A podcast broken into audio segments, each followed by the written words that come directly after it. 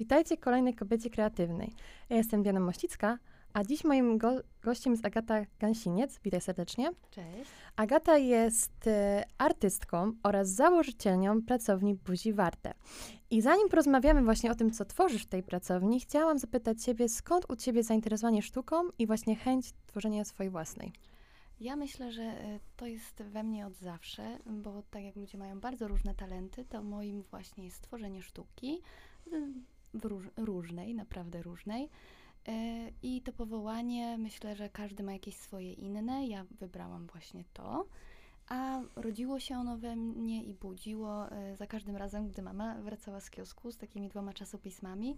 Jedno nazywało się Wielcy Malarze, a drugie Przygoda ze sztuką. I strasznie to uwielbiałam, więc chyba tak to się zaczęło. I oglądając te czasopisma, miałaś ochotę stworzyć swoją sztukę, która kiedyś pokaże się na mamach ich? Y, Jak, jak je oglądałam, to po prostu budziła się we mnie wielka potrzeba tworzenia również. Y, Mhm. No i właśnie Przygoda ze sztuką była takim czasopismem dla dzieci, gdzie były jakby porady i jak coś zrobić. Taki trochę Pinterest, ale zamknięty y, właśnie w czasopiśmie. Y, I w sumie było to naprawdę super. No a Przygoda Wielcy Malarze to, y, to taki, takie czasopismo, w którym no, były dzieła przeróżnych, no, wielkich malarzy i to naprawdę było rozbudzające.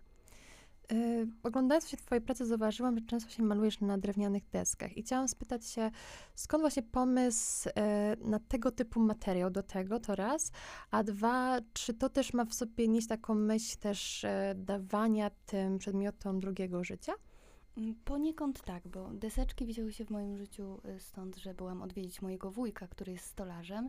No i tak chodząc po tej jego pracowni, której ogromnie mu zazdroszczę, bo jest przepiękna, no widziałam takie odpady stolarskie i troszkę tak pytam się, no, że jakby co się z tym dalej wydarzy. No i jakby to drewno miało zostać e, e, zmielone i spalone albo wykorzystane w jakiś taki po prostu bardzo zwyczajny sposób. No i ja z racji, że kocham malować, poprosiłam wujka trochę tych deseczek, no i właśnie zaczęłam na nich sobie malować. To troszkę przypomina takie deseczki ludowe. No jest to poniekąd dawanie im kolejnego życia, robienia z nich małych dzieł sztuki, no które tak naprawdę mogą przetrwać w domach każdego z nas bardzo długo i bardzo cieszyć oko. To prawda. Ja też zauważyłam, że każda z tych de- deseczek ma zupełnie inny design też i klimat. I myślę, że co jest w tym wszystkim ciekawe, to to, że tak naprawdę każdy, kto je ogląda, może znaleźć taką e, swoją dla siebie. I też chciałam spytać, czy, czy z taką podobną intencją e, malujesz, czy bardziej na zasadzie, że przychodzi ci na myśl konkretny pomysł i po prostu musisz go akurat spełnić? Y, Z deseczkami jest trochę tak, y, że jak ja zaczęłam malować, to miałam taką wizję, że to są deseczki duszyczki. Mm. że jakby każda z nich, y, jak, ja, jak kończę ją malować, to każda zaczyna taki proces poszukiwania właściciela. No i widzę też, y, też to jakby po, po swoich klientach, ludziach, którzy są nimi zainteresowani, y, że no mają ten taki swój jeden traf i to jest ich ulubiona deseczka, a inne no są piękne, ale nie przemawiają do, do tych osób tak bardzo, a ta jedna konkretna albo parę konkretnych mówi tym samym kodem, co dana osoba. No i myślę, że to jest wtedy takie idealne odnalezienie właściciela y, danej deseczki. Co jeszcze zauważyłam e, w Twojej pracowni, to to, że tworzysz dzieła o nazwie, mm, znaczy metodą, która nazywa się drafting. I chciałam Cię zapytać, e, czym tak naprawdę to jest i mm, skąd też akurat pomysł na tego typu tworzenie dzieł? Mm, Tafting to jest taka jakby półmaszynowa metoda tworzenia dywanów. Y, Do tworzenia runa dywanu używa się pistoletu, ale jakby człowiek poniekąd y, no, cały czas musi trzymać tą maszynę i jakby ją operować.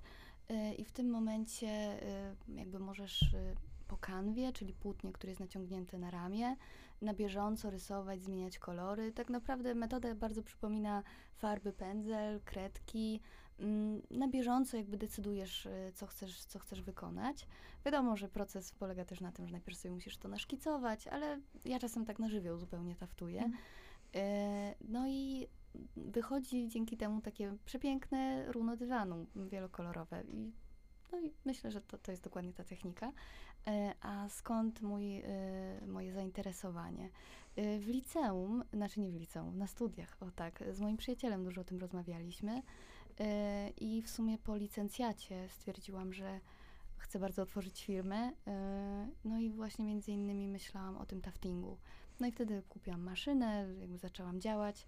E, no a to było trzy lata temu, więc, więc naprawdę był to, był to fajny, fajny pomysł. Myślę, teraz coraz bardziej się on odnajduje w świecie. Właśnie odnoszę się też do tego, co widzę na twoich social mediach, bo też często wstawiasz zdjęcia właśnie ze swojej pracowni i chciałam ciebie też spytać, bo myślę, że to jest bardzo ciekawy temat, który warto poruszyć, czyli to, za co sobie właśnie cenisz możliwość pracy w pracowni, a nie na przykład po prostu gdzieś w zakątku swojego domu. Y, ja swoją pracownię mam y, tak naprawdę od chyba pięciu, bo, pięciu miesięcy, myślę, coś takiego, y, w takim miejscu w Łodzi, które się nazywa Art Inkubator. I też wcześniej niestety doświadczyłam bardzo intensywnie tego, y, co to znaczy nieposiadanie pracowni. Czyli miejsca, w którym tak naprawdę w każdej, do, które, do którego możesz w każdej chwili przyjść, zacząć robić to, mm, do czego jesteś stworzony i co właśnie potrzebujesz w tym, w tym momencie robić. Yy, nie przeszkadzając nikomu, zostawiając te rzeczy w każdym momencie, w którym masz ochotę po prostu przestać pracować. Yy, I właśnie Art Inkubator, yy, zostałam tam rezydentką, dał mi tą możliwość, że wreszcie, bo też tafting jakby pochłania dużo przestrzeni, bo ja nie tylko taftuję, ale właśnie też maluję deseczki, maluję obrazy. Mam też krosno, którego w sumie jeszcze nie rozłożyłam i myślałam o tkaniu. No i jakby to jest dużo rzeczy, które wymagają przestrzeni, żeby swobodnie móc stworzyć. No i tak naprawdę w końcu nareszcie mam takie miejsce i artysta bez pracowni to, to, to jest naprawdę trudny moment, jeśli nie masz pracowni, a musisz tworzyć, więc, więc bardzo się cieszę, że ja mam tą możliwość, że mam pracownię. Tak. I też może na chwilkę też um, dołączyć do tego aspektu e, właśnie bycia artystą, też e, fakt, że myślę, że dość ciężko na początku też rozwinąć w pewnym sensie też swój biznes i też zostać zauważonym. I chciałam też cię spytać, jak to wyglądało z twojej perspektywy i twoja droga i jak e, po prostu oceniasz te początki zawsze artystyczne, które mm. myślę, że każdy spotyka. Znaczy, tu też jest, y, jak prowadzisz firmę, to, a jesteś artystą, to cały czas jesteś troszkę rozrywany pomiędzy takim myśleniem, czy ty właśnie jesteś artystą, czy ty bardziej patrzysz w stronę biznesu, a no dzisiejszy czas, y, czasy raczej no, to się łączy jedno z drugim i um, dla mnie samej to jest pewien taki proces, którego ja się uczę, y, jak to wszystko powinno wyglądać, jak wyceniać swoje produkty, jak wyceniać swoją sztukę tak naprawdę. I jest to, jest to trudny proces. Y, ja firmę w sumie prowadzę od trzech lat, aczkolwiek y, tak od półtorej roku no, miałam czas na to, żeby faktycznie móc się zająć bardziej taftingiem i rzeczami takimi do wnętrz. Mm, I teraz stopniowo, y, stopniowo, a jeszcze właśnie jak mam tą pracownię, to zaczęło się coś dziać więcej. Ja sama też właśnie lepiej się potrafię zorganizować, więcej potrafię stworzyć. Y, ale na pewno prowadzenie firmy, myślę, że też same, same, sama działalność twórcza jest fantastyczna. Jak człowiek jeszcze wejdzie w prowadzenie firmy, też to jest bardzo ciekawa droga, ale już y, no, też trudna po prostu. Jest to taki, jest to naprawdę proces. I ja, ja sama siedzę i obserwuję, jak ten proces y, wygląda, jak on się u mnie rozwija. Widzę, że to jest, są takie meandry po prostu. Ja sama nie wiem, jak to wszystko się potoczy i jestem bardzo ciekawa. Tak, to też jest ciekawe do obserwowania tak naprawdę, jak to też e, działa na odbiorców, bo myślę, że czego wielu artystom brakowało podczas właśnie pandemii, kwarantanny, to tego, że nie mogli właśnie rozmawiać o swoich pracach, o swojej sztuce odbiorcami jej. I chciałam tego też ciebie spytać, czy zakładanie swoich kon na social mediach oraz właśnie udział w targach sztuki, tego typu podobnych eventach, według ciebie pomaga właśnie artystom e, rozwinąć swój biznes albo chociaż zostać zauważonym? Mm, znaczy, no, myślę, że teraz to bez social mediów e, jakby troszeczkę no, dana twórczość nie istnieje. Mm, pandemia jeszcze bardziej to pogłębiła, że spotkać się z odbiorcą, e, no właściwie było to niemożliwe. Więc z pomocą właśnie przyszedł Instagram, TikTok, które no, troszkę wciągnęły ludzi w ten świat wirtualny, ale to też wir świat wirtualnego spotkania. Więc y, myślę, że no, bez tego byłoby bardzo trudno. Ja bardzo cenię sobie swój Instagram i właśnie możliwość y, tego, że na bieżąco ktoś może oglądać, y, co ja robię. Chciałabym więcej, ale tak naprawdę to pochłania bardzo dużo czasu i nie dziwię się, że w każdej firmie jest zatrudniony od tego człowiek, bo jest to naprawdę ogrom pracy, żeby być cały czas w kontakcie y, ze swoimi odbiorcami, klientami, przyjaciółmi, no więc to, to, to naprawdę jest troszkę trudne. No ale y, też niezbędne, więc, więc myślę, że no, no nie wyobrażam sobie prowadzenia firmy bez, bez na przykład Instagrama co chyba jest aktualnie totalnie niemożliwe. A jeszcze chciałam na chwilę powrócić też do tematu właśnie e, targów sztuki, znaczy ładnych i tym podobnym e, właśnie wydarzeniom. E, czy według ciebie, że w ogóle inaczej może powiem, jak oceniasz po prostu swoje doświadczenie, jeśli chodzi o udział w takich targach? E, co ono ci przyniosło i, i ogólnie jaka była atmosfera? Mm, myślę, że targi dla wielu twórców są, są również bardzo ważne. Ja tak naprawdę na swoim koncie mam tylko jedne, mhm. ale tak naprawdę wizyta na jednych targach była dla mnie bardzo ucząca, bo każde targi mają troszkę inną specyfikę i to polecam każdemu twórcy jakby dokładnie zapoznać się z specyfi specyfiką danych targów, bo tak naprawdę na każde trafia troszkę inny człowiek z innymi potrzebami i każda firma w, odnajduje się no, no inaczej po prostu. Na, na, na, na jedne targi jest bardziej dedykowana, na inne mniej i każdemu właśnie jakby polecam się takie dopasowanie troszkę do danego miejsca.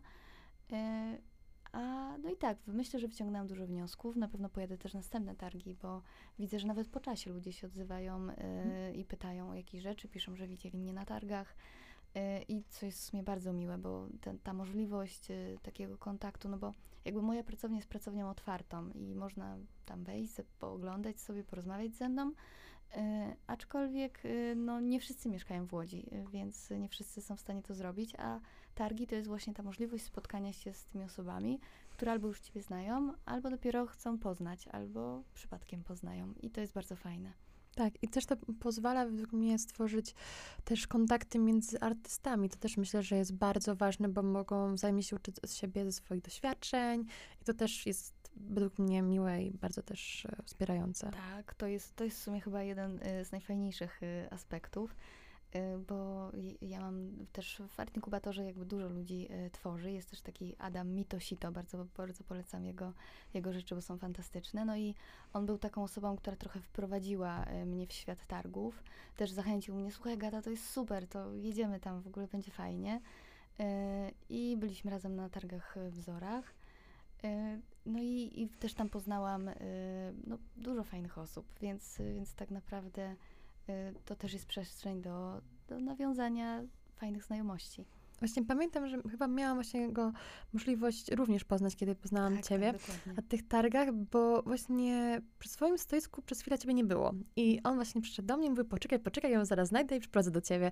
I to jest taki piękny gest, tak, który tak. miło widzieć też, że ci artyści wzajemnie się wspierają, a to nie jest jakiś wyścig szczurów, bo myślę, że wiele osób źle postrzega targi jako taki pryzmat wyłącznie zarobkowy i sprzedaży, a te kontakty jednak i to, że właśnie mamy możliwość nawet, nie wiem, wręczenia wizytówki czy coś, myślę, że też ma znaczenie, przynajmniej ja. Ale jak właśnie osoba ze środka to odbiera? Tak, no ja myślę tak samo, że y, targi, jeśli będzie się y, traktować tylko pod kątem zarobkowym, to po pierwsze często można się zawieść, y, bo nie zawsze to tak pięknie wygląda. A z drugiej strony jest to naprawdę element, no naprawdę rzadko kiedy zdarzają się takie sytuacje, że jesteś w stanie poznać tak wiele osób. Co prawda trzeba wysiłkowo być y, super mocnym, bo jak targi trwają dwa dni, to jest to naprawdę męczące. Od rana do wieczora siedzi się i no i jednak jesteś w pomieszczeniu zamkniętym. Jest, jest to takie no, trudne dla organizmu. Mm, ale tak naprawdę właśnie czerpanie z tego zupełnie innej przyjemności, y, takiej właśnie kontaktów, te rozmowy, y, podzielenia się swoją twórczością, też dużo osób, y, tak jakby na przykład ja byłam zaskoczona, bo jestem, byłam przekonana, że jakby mój, algo, mój y, Instagram na podstawie algorytmów y, podsuwa po prostu mnóstwo taftingu i ja już taka przekonana, że kurczę, za co ja się zabieram? Właściwie mm. wszyscy to robią. A na targach miałam zupełnie inny odbiór. Na zasadzie bardzo, bardzo wiele osób pytało się, co to jest? Co to jest? Jak ty to w ogóle robisz? Bo byłam przekonana, że wszyscy to znają, y, a się okazuje, że nie. I było to bardzo takie odświeżenie y, perspektyw, jakie, jakie miałam, bardzo, bardzo też y, takie uspokajające, że nie robię czegoś troszeczkę bez sensu, tylko to wszystko ma szansę na rozwój. Jestem zafascynowana tym, jak wiele ludzi się tym interesuje i zaczyna interesować. I to jest bardzo fajny proces, który obserwuję. I to, to ciekawe jest doświadczenie. To prawda, bo w tym świecie social mediów, do którego trochę musieliśmy się też przekonać, nie przez pandemię, jak rozmawiałyśmy, to też powstały takie bańki i właśnie czasami wychodzimy z tych naszych baniek właśnie z internetu, to nagle widzimy właśnie, że ojej, ten świat jednak do końca tak nie wygląda i że właśnie można coś jeszcze więcej odkryć. I trochę nawiązując do tej bańki, ale już nie w tym kontekście, chciałam ciebie spytać, jak właśnie wchodzisz w ten proces twórczy, czy to czasami dla ciebie to jest taka bardziej właśnie medytacja, czy raczej, taka codzienny, raczej taki codzienny obowiązek? Mm jest to z pewnością medytacja, ale musia, muszę też to traktować jako codzienny obowiązek, bo łatwo w sumie jest się rozleniwić, a to jest jednak moja praca. I jeśli nie mam takiego mm, stałego planu działania, kiedy zaczynam pracę, kiedy kończę pracę, to sama się tak rozregulowuję i, i tak naprawdę nie może wtedy już to być medytacją, bo więcej to tak jakby przysparza i stresu, i jakichś takich zmartwień, a gdy jednak traktuję to jako pracę i wiem, że w danym dniu muszę tyle i tyle czasu na to poświęcić, mm, czuję się w tym swobodniej. Po prostu wiadomo, że w każdy dzień nie zrobię nie wiadomo jak wielu rzeczy. Czasem po prostu posiedzę tylko w pracowni i zrobię jakieś szkice, bo jestem zmęczona, bo, bo nie mam właśnie takiej jakiejś weny, czy w tym dniu po prostu wiem, że jak cokolwiek ruszę, to to nie będzie miało sensu. A czasem są takie dni, że nie potrafię wyjść z pracowni do 23, bo po prostu cały czas jeszcze coś chcę zrobić. E, ale ja na pewno traktuję to jako taką swoją odskocznię od, od takiej codzienności, że jednak bardzo, bardzo lubię to, co robię i chciałabym to robić e, jak najwięcej czasu i, i mieć z tego jak najwięcej radości. To jeszcze tak na koniec e, chciałam Ciebie spytać, bo w sumie to jest takie pytanie, które zawsze zadaję moim gościom, czyli to, co ostatnio Ciebie zainspirowało właśnie w świecie sztuki lub może pewien aspekt w sztuce, który obecnie teraz będziesz rozwijać lub pracować nad nim. Z, ostatnio y, miałam przyjemność bycia w Supraślu i w Supraślu jest genialne muzeum ikon. Mm, który na początku było dla mnie takie, a dobrze, pójdę, nie do końca mhm. wiedziałam, co mnie tam spotka, tym bardziej, że ikony y, traktowałam raczej jako takie troszkę przygnębiające, smutne y, i bardzo w takich ciemnych kolorach. Zupełnie nie wiem dlaczego, być może takie po prostu spotkałam na swojej drodze życia, a też to jest zaskakujące, bo przecież obrazy Nowosielskiego, które są inspirowane ikonami, są tak niesamowicie mm. wielobarwne, no właśnie w tym muzeum zobaczyłam tak niesamowite ikony, tak pełne koloru, takiej, takiej czystej barwy. E, jak teraz o tym myślę, to po prostu jestem oniemiała, e, że pierwszy raz w życiu to widziałam. E, no i właśnie coś czuję, że te kolory będę próbowała przenieść na dywany i, no było to szalenie inspirujące, więc myślę że pojawią się w moim malarstwie i na pewno jest to, to, to naprawdę zrobiło na mnie duże wrażenie. Tak, to jest naprawdę piękne właśnie, jak czasami taka drobna rzecz, jakaś estetyka potrafi tam się przenieść dalej, głębiej właśnie w nasz styl na przykład tworzenia, no to to jest po prostu coś, coś magicznego. I właśnie dlatego zawsze też zadaję to pytanie właśnie, żeby zainspirować także innych. Dziękuję Ci za wywiad i za to, że poświęciłaś nam czas. Ten wywiad jak zawsze będzie dostępny już ten weekend na Spotify Radio Pałas, a ja dziś Żegnam się z Wami. Moim gościem była Agata Gansiniec. Dziękuję bardzo. A jestem Diana Mosicka i to była Kobieta Kreatywna. Do następnego odcinka.